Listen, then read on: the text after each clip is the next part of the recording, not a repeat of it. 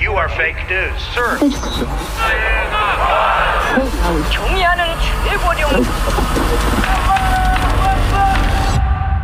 on kolmapäev, kaheteistkümnes august ja Delfi stuudios tervitavad teid venekeelse Delfi reporter Roman Staropopov tere! ja Eesti Päevalehe arvamustoimetuse ajakirjanik Krister Paris. tere! mina olen Kaarel Kressa ja räägime muidugi Valgevene rahutustest, mis nüüd jätkuvad juba kolmandat ööd. eile põgenes riigist opositsiooniliider Svetlana Tsihhanovskaja, Euroopa Liit hakkab arutama sanktsioonide küsimust aga alustuseks küsiks, meenutaks, et viimane kord me rääkisime just äh, enne Valgevene valimisi, mis seal saada võiks. Krister, kas sa praegu tunned, et asjad on läinud natuke teistmoodi, kui oleks võinud ennustada?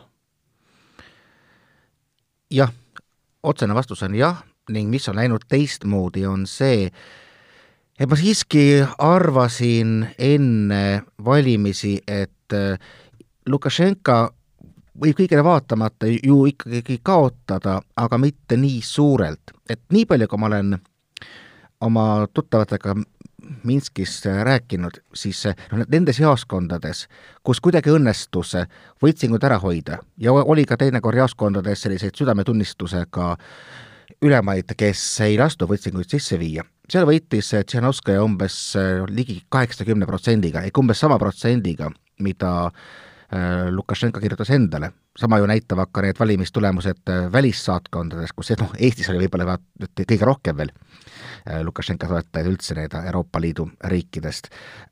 Ja kui jaoskondades taha moodustasid teinekord isegi kilomeetrite pikkused järjekorrad, noh võib-olla väike liialdus, aga ütleme, hiiglaslikud järjekorrad see võis vist sihilik taktika olla ka, et just nagu, et ei jõuaks liiga palju valijaid või ma ei tea. ei, see, no ühesõnaga, pigem kui inimesed tulevad välja hääletama, nad ei tule sellepärast, et nad tahaks hirmsasti anda praegusele presidendile oma häält. et kõik märgid näitavad, et Lukašenka kaotas ja kaotas suurelt, et see on natuke oli üllatus.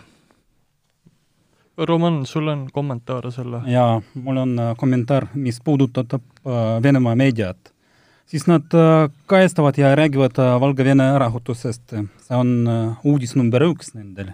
Nad näitavad, kuidas OMON lööb inimesi ja pahandavad, et kuidas see võimalik on. aga kui Venemaal oli sarnane olukord, me kõik mäletame, siis nad kõik vaikisid mm. -hmm. see on ka samuti asi, mida poleks päriselt osanud ilmselt oodata, kui äh,, kuigi nüüd Putin saatis oma õnnitlus vist Telegrami Lukašenkale ja väljendas sealjuures lootust, et nüüd saame minna liitriigi projektiga edasi. see oli selline, ei tea, kuidas seda tõlgendada, aga vähemalt meeleolu loomiseks kõlas päris hästi. huvitav, et eile Venemaa välisminister Sergei Lavrov nõudis äh, Lukašenkalt ajakirjanike vabastamist mm. -hmm. see ka oli. nojah, ta on võtnud kinni ka terve hulga Venemaa ajakirjanikke ja loomulikult eh, noh, võrdluses alati, kui naaber käitub hullemini, siis paistab ju, paistab ise paremini välja. mis on muidugi nagu murettekitav, on see, et mina olen kogu aeg vaadanud, kuidas Valgevene on olnud avangard, kui asi puudutab opositsiooni mahasurumist, et meetodid, mis ilmuvad kõigepealt Valgevenes, ilmuvad mõned aja, mõni aeg hiljem ka, ka Venemaal, näiteks no Venemaal ma ei tea, et oleks siiani äh, kasutatud miitingute laialiajamiseks eh, kummikuule, mida nüüd tehti Valgevenes. et ma ei tea, see nüüd võib olla ka varsti saamas eh, uueks normiks idablokis kui ma saan aru, siis ei ole ka Valgevenes varem kasutatud vähemalt mitte niimoodi kummikuule ja neid äh, šokigranaate. Ja, kui vaadata neid noh, pilte tänavatel, et isegi siis, kui see noh, ei ole seda tavapärast pilti, kuidas Omon jookseb inimeste järele, pikali lööb ja kuskile tassib, siis need šokigranaadid, nad mõjuvad no mõjuvad ikka nii, nagu oleks sõda lahti, jah inimesed väga kurjad, üks neie ütles mulle, sa ei kujuta ette, kuivõrd kõvasti on Lukašenka inimesi endast välja viinud. esimest korda kuulsin, kuidas ta raupsõnu kasutab, aga inimesed blokeerisid sõiduteid, mitte kõnniteid, sest keegi ei osanud arvata, et OMON hakkab sõitma mööda kõnniteisid ja Telegram-kanalis kirjutati ka, et OMON sõidab kiirabiautodega Äh, protesteerijad äh, läksid selle peale vihaseks, kuna nad tegid äh, kiir-, kiirabile spetsiaalset koridori. jah, ütleme, kui mingi asi nagu noh, natuke tuli ootamatult, siis asi, mida võis loomulikult aimata, aga see, kuida-, kuidas võimud tõmbasid maha internetti, noh, loomulik samm, väga raske on ju koordineerida mingisuguseid oma samme ja tänu sellele ka info, mis välja tuleb, on selline hüplik ja tegelikult kogu see võib-olla ka õudus, mis tänavatel oli, ei paista niivõrd väga silma. aga noh, vaatasin, et siin täna on jällegi on inimesed jälle postitanud terve hulga videosid, mis näitab sellist nagu igapäevast õhtust melu seal tänavatel. ja melu tähendab ka seda, et inimesed on väljas, osad kannavad plakateid, hüüa, plaksutavad pigem plakatit, et mitte autod sõidavad, annavad kõik signaali, et selline nagu üleüldine protestivaim on tänavatel täitsa olemas? Ja mis on ilmselt kogu Valgevene ühiskonna enda jaoks üllatav, ongi see, et noh, et see, et meeleavaldajaid niimoodi kambakesi pekstakse, see nii väga ehk üllatav ei olegi, aga harjumatul moel lüüakse nägu sisse ka lihtsalt tänaval jalutajatel ja autosõitjad tiritakse autost välja, mingid meeleolukad videod olid, kuidas OMON peksab äh, autodel kumminuiaga peegleid puruks mööduvatele, ilmselt nad tuututasid siis, nagu üks viisi on meelt avaldada seal. No just, või siis sõidad, sõidad rattaga ja mulle tundub, et sa oled osa nende ratturite protestist ja et noh, tegelikult on nad ka varem võtnud kõrvalseisjad kinni, mäletan ka, ka kaks aastat tagasi oli suure kaubanduskeskuse juures, kus ka terve hulk pensionäre, kes ilmselt läksid lihtsalt keskpäevasel ajal oma sisseoste tegema, sattusid järsku OMON-i kätte, aga noh, praegusel hetkel on muidugi kogu see taustsüsteem hoopis teine ja tõesti inimesi aetakse, võetakse kinni ka nende enda koduõuedest, kui mingil põhjusel kahtlustatakse, et nad, inimesed on sinna põgenenud tänavatelt.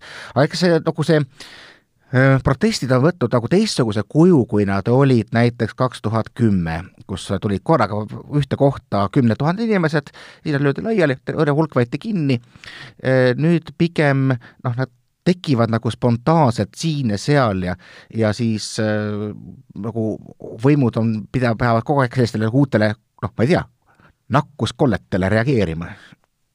Jah, see haakub ainult Vene kodanike teemaga, et täna võimud teadsid, et nad on va-, vahistanud väidetavad korraldajad, kuigi tõesti väljaspoolt paistab, et ei ole seal mingeid korraldajaid, ja siis need korraldajad on muidugi Vene kodanikud, kes esindavad Avatud Venemaad ja Navalnõi fondi, Valgevene sõnul, et kui paar päeva tagasi oli, et Tšehhist, Poolast ja Suurbritanniast juhitakse, enne seda oli Ukrainast ja USA-st ja siis kõige alguses Kremlist siis nüüd on jõudnud asi Vene opositsionäärideni.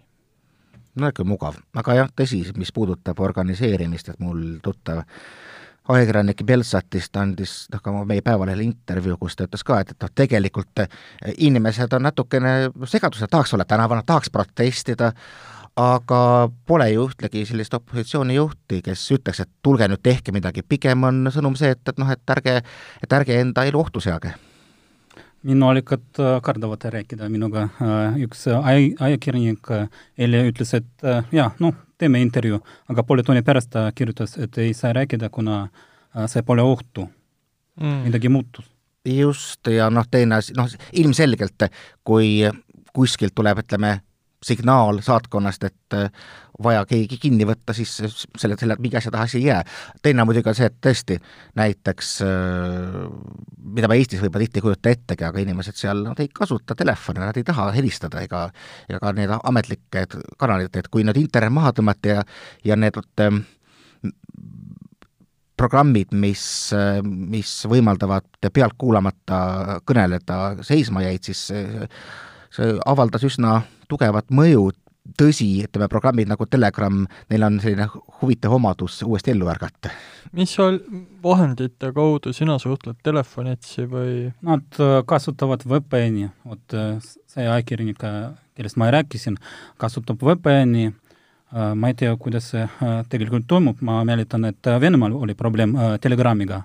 Ja siis kogu, kogu aeg on vaja uuendada neid VPN-id ja siis Telegramis suhtlete või meilite? aa, mina suhtlen jah, jah, ja, ja Telegrami kaudu telefonitelt üldse ei taha. ja on veel igasuguseid kummalisi asju, näiteks äh, mina sain, sain ühenduse läbi Messengeri, mis ametlikult ei töötanud, aga ikkagi on vahendeid ja ma saan aru, et tegelikult selliseid programmikesi, millega mööda minna, neid ka samuti kerkis nagu seeni pärast vihma kohe pärast seda mm. -hmm. väärib märkimist, et Vene selle populaarse suhtlusvõrgustiku Telegram äh, juht äh, teatas just, et ta lisas oma programmile mingisuguseid featuure, mis just Valgevenes võimaldab mööda minna.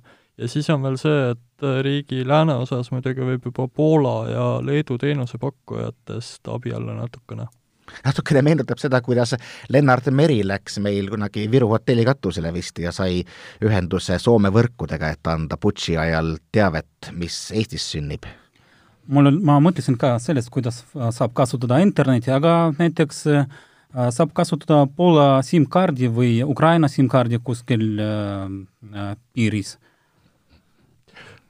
kui nüüd äh, prognoosida seda, mis võiks seal edasi saada, noh, me teame, et Euroopa Liit koguneb teatud sanktsioonide arutamiseks, samuti ilmselt tuleks arutada, kuidas on mingisugused Poola ja Tšehhi päritolu erivahendid sinna saanud Valgevenesse, vaatamata sellele, et need ei tohiks sinna sugugi sisse vedada, aga noh, tegelikult vist välismaa asjadest kõige olulisem on see, mida arvatakse Venemaal. ja Roman, sa ütled, et Vene meediast jääb praegu küll mulje, et nad on nagu äraootaval seisukohal ja neil ei olegi noh, nii-öelda hobust mängus seal otseselt just, just. no see on huvitav, sest kõige populaarsem äh, Rossija один äh, rääkis sellest äh,, see teema number üks oli nendel. ma, ma, ma, ma ei, noh, ma ei saa aru, miks nad äh, sellest räägivad, äh, sest äh, kõik äh, teavad, et äh, Venemaa ja Valgevenemaa on sõbrad või, võib-olla midagi muutus Armeenia võimupööret näiteks vist alguses ei kajastatud nii aktiivselt, kui ma suudan meenutada. praegu ei. no see, mis tuleb noh, Valgevenes, no see oli ette teada, et selles mõttes sa saadi ka Venemaal oma plaanid, et mis seisukoht võtta ja kuidas seda teha, äh, juba varakult valmis joonistada, et noh, et see, et tulevad valimised, neid võltsitakse ja tulevad pärast protestid, noh, laias joones oli see teada ning järelikult oli, oli ka ettevalmistusaeg piisav. Jah, siin väärib võib-olla märkimist ka see, et Habarovskis äh, kantakse nüüd ka Valgevene teemalisi loosungeid, aga muul moel noh, ei olegi tegelikult mingit põhjust, miks Venemaad peaks eriliselt häirima, ütleme teoreetiliselt Lukašenka väljavahetamine juhul, kui ta muutub tõesti nii nurgaks, et nõrgaks, et ta ei saa võimul olla, sest noh, kui me vaatame Tsihhanovskaja väljaütlemisi, siis ta andis põhjaliku intervjuu Vene portaalile, mille nime ma ei suuda praegu öelda, ta rääkis seal, et mingit sellist asja, et Venemaa ja Lääne vahel valimine, et noh, et ei, ei ole üldse päevakorras, et me tahame nagu vanaviisi normaalselt läbi saada kõigiga. Ja muidugi, et Tsihhanovskaja enda platvormi kõige olulisem osa oli see, et ta lubas pärast võitmist tagasi astuda ja korraldada uued vabad valimised. ja see on ka ilmselt põhjus, miks tema riigist lahkumine, nii-öelda väidetav lahtiütlemine protestidest ei pruugi protestidele erilist mõju tegelikult avaldada, sest kogu asja eesmärk on siiski vabaneda Lukašenkast, mitte saada Tsihhanovskajat võimule no vot, ja siin me jõuame selle punktini, et Kreml võiks muidugi mõelda selle peale, et Lukašenka asemele keegi teine panna. aga ma ei usu, et kuidagi tahaks Kreml, et see sünniks läbi tänavasurve, see on liiga ebameeldiv pretsedent, mitte veel pretsedent, vaid pärast Ukrainat äkki juba trend võib hakata mõnedele tunduma. aga kuidagi mõjutada Lukašenka lähikondseid arvama, et, et patk aega hakkab mööda saama, see on natukene juba teine teema ja see ei pea olema, noh, selles mõttes, et Armeenias ju oli täpselt sama protsess, et Venemaale sõbralik riik, nüüd järsku on ebastabiilsus, inimesed tänaval, nüüd ongi demokraatlikult valitud liider Pashinyan, aga tegelikult suhetes Venemaaga ei ole midagi muutunud, sõprus on, tundub täpselt samasugune nagu enne. noh, Armeenia puhul me peame ka arvestama ka veel välistegureid, et ikkagi Venemaa mm, on tegelikult Armeenia sõber, kui mõelda, kes muud tema ümberringi on, ehk siis Aserbaidžaan ja Türgi, noh, ütleme ja, ja noh, noh, Gruusia ka, aga et äh, Venemaa äh, üksused Armeenias on teatud julgeolekugarantii Aserbaidžaani vastu. jaa, noh, Venemaa üksused on Valgevenes veelgi suuremal arvul, et seal mingisugust NATO vägede sissetulekut ei pea ilmselt kunagi pelgama kuidas te ennustate, et mis, mis saab edasi, kaua rahutused võiksid kesta esiteks? No ma arvan, et äh, edasi inimesed hakkavad äh, äh, protesteerima mitte tänavatel, aga no, võib-olla keegi lahkub riigist, muidugi inimesed ei, ei taha elada Lukašenkoga koos. Ega jah, noh, ma eile rääkisin siin ühe Eestis elava Valgevene dissidendiga, kes ka ikkagi arvas, et et no esialgu noh, need, see laine noh, praegu ei näita küll mingeid märke, et ta suudaks saavutada sellist kriitilist massi ja kontsentratsiooni et praegu kuidagi sundida võim endaga arvestama, inimesed väsivad, teiseks noh, nad, keegi ei taha nagu päevade kaupa minna välja teadlikult muhku norima, noh, kindlasti leidub ka selliseid, mis praegu on, ma vaatasin, on mingi terve rida ettevõtteid, kes hakkavad streikima, näis. juba hakkasid, Minski traktoritehas ja veel terve hunnik riigiettevõtteid just, eks see noh, kunagi ei saa nagu öelda, et, et need asjad on määratud väljasuremisele. kui me mõtleme kas või seda, kuidas algas pihta viimane Maidan, siis algselt oli seal väga tühine hulk inimesi ja mingi hetk oli nende hulk jäänud juba nii pisikeseks, et tundus, et ta susiseb välja, kuni võimud tegid saatusliku vea ja, ja üle reageerisid asusid seda puhastama ja siis tuli uuesti sisse äh, säde tõeliselt ka süütas revolutsiooni, ehk siis noh, kunagi ära ütle kunagi äh,, liht- või kindlam on väita, et hetkel äh, Äh, pigem see laine hääbub, aga noh, mis on juhtunud, on see, et ma usun, et kui, kuna see Lukašenka valimiskaotus ilmselt oli niivõrd suur, siis on ta nagu rahva armastuse kaotanud ja, ja, ja järgmise laine, järgmise laine tulek on kindel vot huvitav, kuidas ametlikud kanalid töötavad, eile hilisõhtul oli juba uudis, et äh, info streikimist, see on vale selles mõttes Bel-, Bel-, Belta kirjutas, et äh, jaa oh,, keegi ei streigi. no sotsiaalmeedia on ammendavalt näidanud, et streigib. aga mm, noh, ilmne järeldus paistab olevat see, et Lukašenka legitiimsus on äh, metsikult hajunud nende päevadega just sellepärast, et tema sõnum paistabki praegu olevat ainult vägivald. ja noh, täiesti nahaalne ja küüniline pettus. Roman, kas Äh, muidu saate kirju ka mõnedelt Lukašenka toetajatelt, äh, on mingisugustki režiimi poolt arvamust viimastel päevadel veel kuulda olnud? eile nägin, eile nägin äh, otseülekanne äh, tegi Dožd Vene, Venemaa telekanal. Ja üks äh, inimene, kes helistas äh,, kes oli Lukašenko poolt äh,, no ta proovis äh, seletada, miks ta tema poolt, aga te, temal ei õnnestunud seda teha, sest noh, ta ütles, kes siis veel, vot lühidalt. no see on nagu see äh, nagu, nagu Venemaal on ütlus, et Jesini Putin to kot aga, aga noh, kui vaadata üldse nagu Lukašenka poolde, et väga huvitav tähelepanek, see puudutab nüüd Eestit, on, kui vaadata kommentaariume Äh, Lukašenka puudutavat uudiste all, siis äh, ma julgen tuua nagu mingi paralleeli, et need, kes siin Eestis äh, toetavad, ütleme, ühte valitsuserakonda, siis karmi käe poliitikat, need on nüüd asunud Lukašenka paljud õigustama, et vot õige, nii peabki ja kord majja lüüa ja hmm..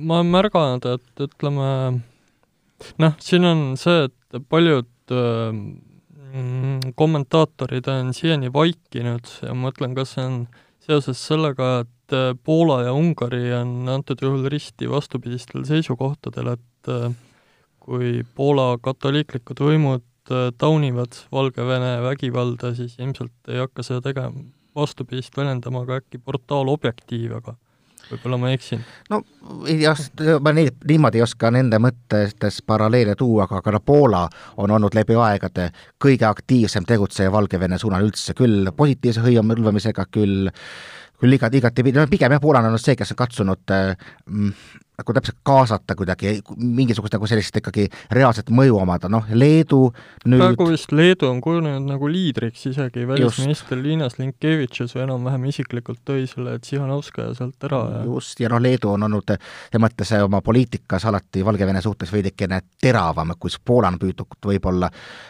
Lukašenkat isegi teinekord noh, kas just mõista, aga, aga jah, siis, siis Leedu on olnud sellise rohkem konfront-, konfrontatiivse poliitika ajaja.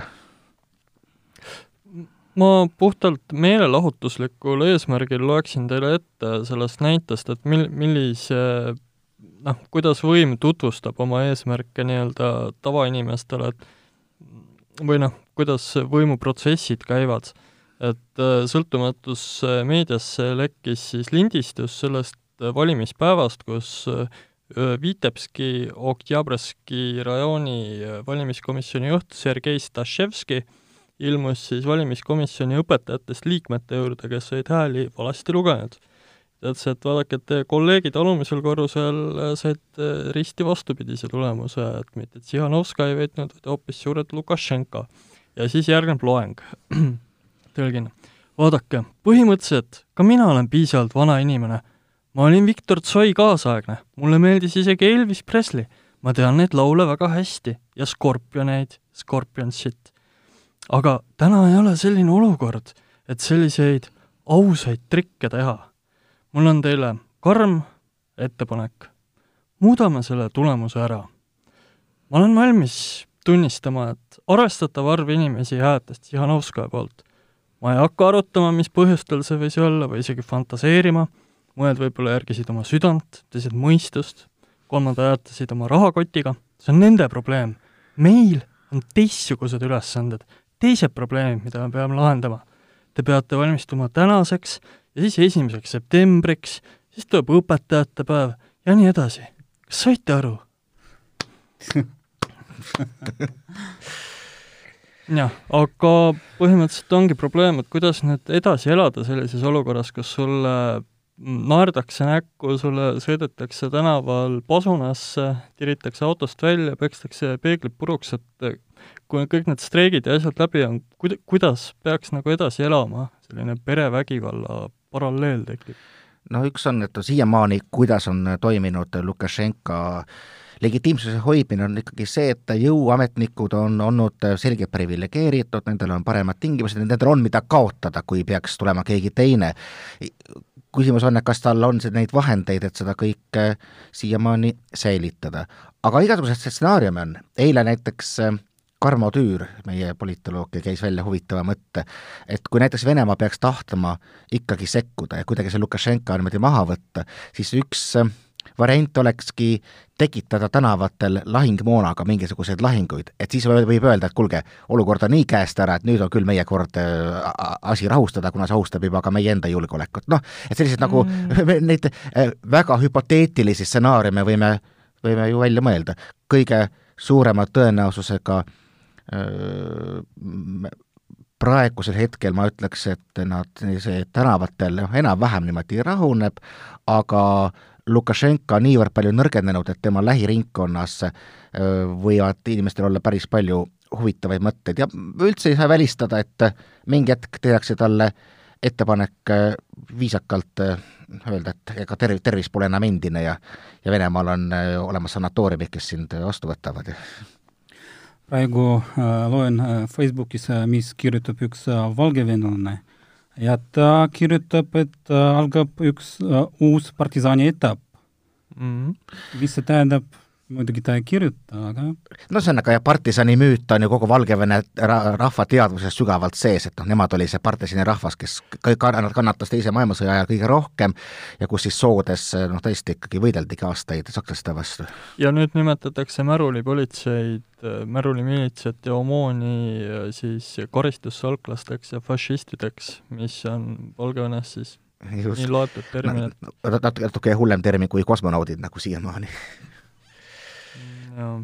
no julgeks vist ennustada, kui kahe nädala pärast on ka nii, et tehased ei tööta ja jätkuvalt net on öösel välja lülitatud ja politsei peksab tänaval inimesi, siis äh, ütleme, et sellisel juhul äh, tundub see üsna fifty-fifty, et kas Lukašenka ka aasta lõpuks on võimul. jah, noh, aga noh, võimudel klassikaliselt on on alati võimalus äh, veel vägivalda eskaleerida, noh mis praegu on, et noh, inimesi võetakse kinni, nad äh, pannakse, noh, saavad, noh, suudki, nad saavad päevadeks pannakse kinni, aga aga võib äh, hakata tegema näidis, näidis, näidisprotsessi, ikka inimesi aastateks panna ja nii edasi, et kas see veel hirmutab rohkem. aga noh, mingi hetk sellel eskaleerumispoliit-, protsessidel on ikkagi piir ees ma arvan, et Lukašenko kutsub opositsiooni laulma tagasi, siis nad äh, lepivad kokku, sest äh, ta tahab olla presidendina, no mm. arusaadav. no, mm, no kui, kui äh, rahutused äh, jätkuvad. aga pole kellegagi kokku leppida, sest Sihanovskajaga juba on kokku Alev, lepitud, aga no teda, teda mees istub vanglas jah, see mees, mees on huvitav, huvitav instrument, ma saan aru, et seda, tema meest kasutati muuhulgas Tšehhanovskaja riigist väljasaatmiseks, mis sisuliselt toimus. et ma saan, ikkagi oli nii-öelda aktiivne abi KGB poolt, et kuulge, et noh, minge. E, ja mingid viited, et noh, äkki, äkki siis lubati vähemalt, vähemalt mitte elu, elu karmistada tema jaoks. Aga ma natukene kahtlen, üldiselt sellised diktaatorid ei kipu oliivioksa opositsiooni poole sirutama, et sama, sama asi näiteks, Lukašenkal ei oleks mi-, mingi probleem olnud teda klassikaliselt, öelda, ma võitsin viiekümne viie protsendi häältega. jumala usutav, miks mitte, võltsida natukene, aga kohe, kui selline diktaator, kes siiamaani on saanud kaheksakümmend protsenti, saab järsku viiskümmend viis, on see niisugune nõr-, nõrkuse märk, näitamine, mida, mida ei saa endale lubada mm,? Okei okay,, ma teen ühe prognoosi, milles ma olen praktiliselt sada protsenti kindel. nimelt, kui te olete märganud, siis populaarne rokkansambel Kino teeb sügisel oma taasühinemistuuri, kus siis Viktor Tsoi hääl tuleb lindi pealt ja öö, on plaanitud kolm kontserdit oktoobris-novembris, need on Piteris, Minskis ja Moskvas.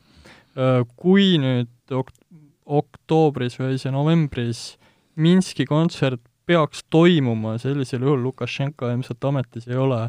ma ei kujuta ette, kuidas protestijate lemmiklaul Peremen kõlab Minskis laivis ja sellel lastakse lihtsalt juhtuda. ei, kindlasti Lukašenka saab selle, selleks hetkeks, hetkeks aru, et koroonaviirus on väga tõsine asi, ei mingeid kontserte. jah. aga selle mõttega lõpetame, aitäh kuulamast, mina olen Kaarel Kressa, stuudios olid Roman Strapopov ja Krister Paris, nägemist! You are fake news, sir.